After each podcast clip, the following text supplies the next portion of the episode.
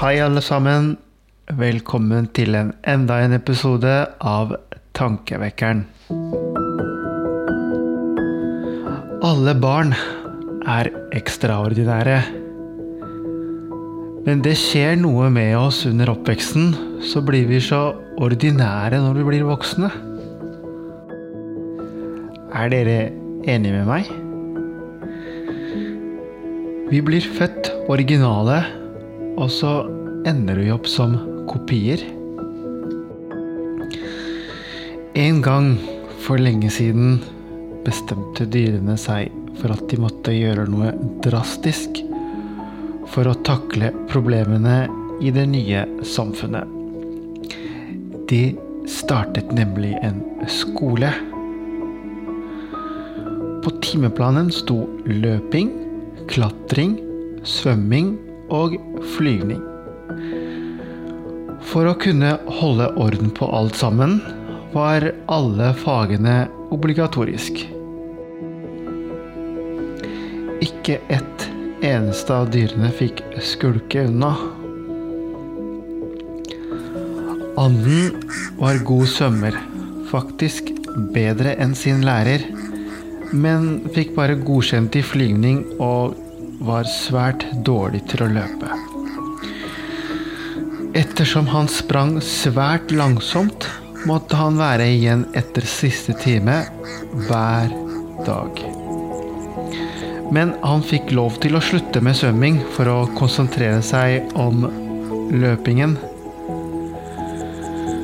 Og det holdt han på med til svømmeføttene ble ødelagt. Og han ble en middelmådig sømmer. Men det å være middelmådig ble godkjent på skolen. Men den saken var det ikke andre enn anden som ble fortvilet over. Kaninen var klassens beste løper da skolen startet. Men han fikk nervøst sammenbrudd da han ble tvunget til å trene ekstra mye i svømming.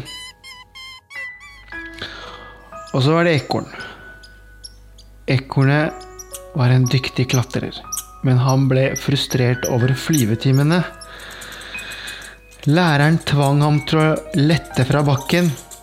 Helst ville han starte i tretoppene.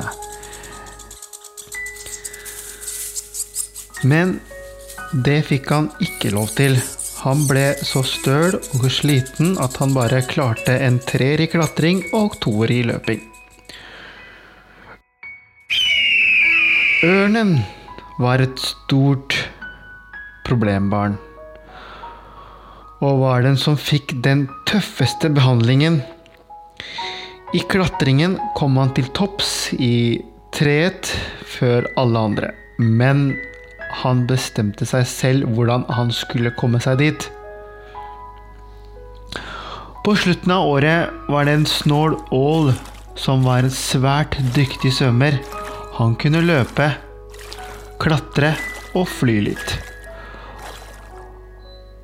Han hadde den høyeste gjennomsnittskarakteren og fikk holde avslutningstalen. Og så var det præriehunden.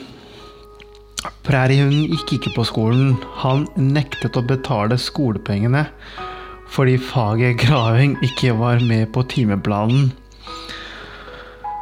Han satte barna sine i lære hos grevlingen og åpnet sammen med murmeldyret og jordekornet en svært suksessfull privatskole.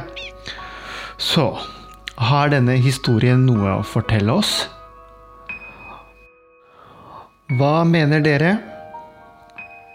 Skriv gjerne til meg til tankevekkeren at gmail.com.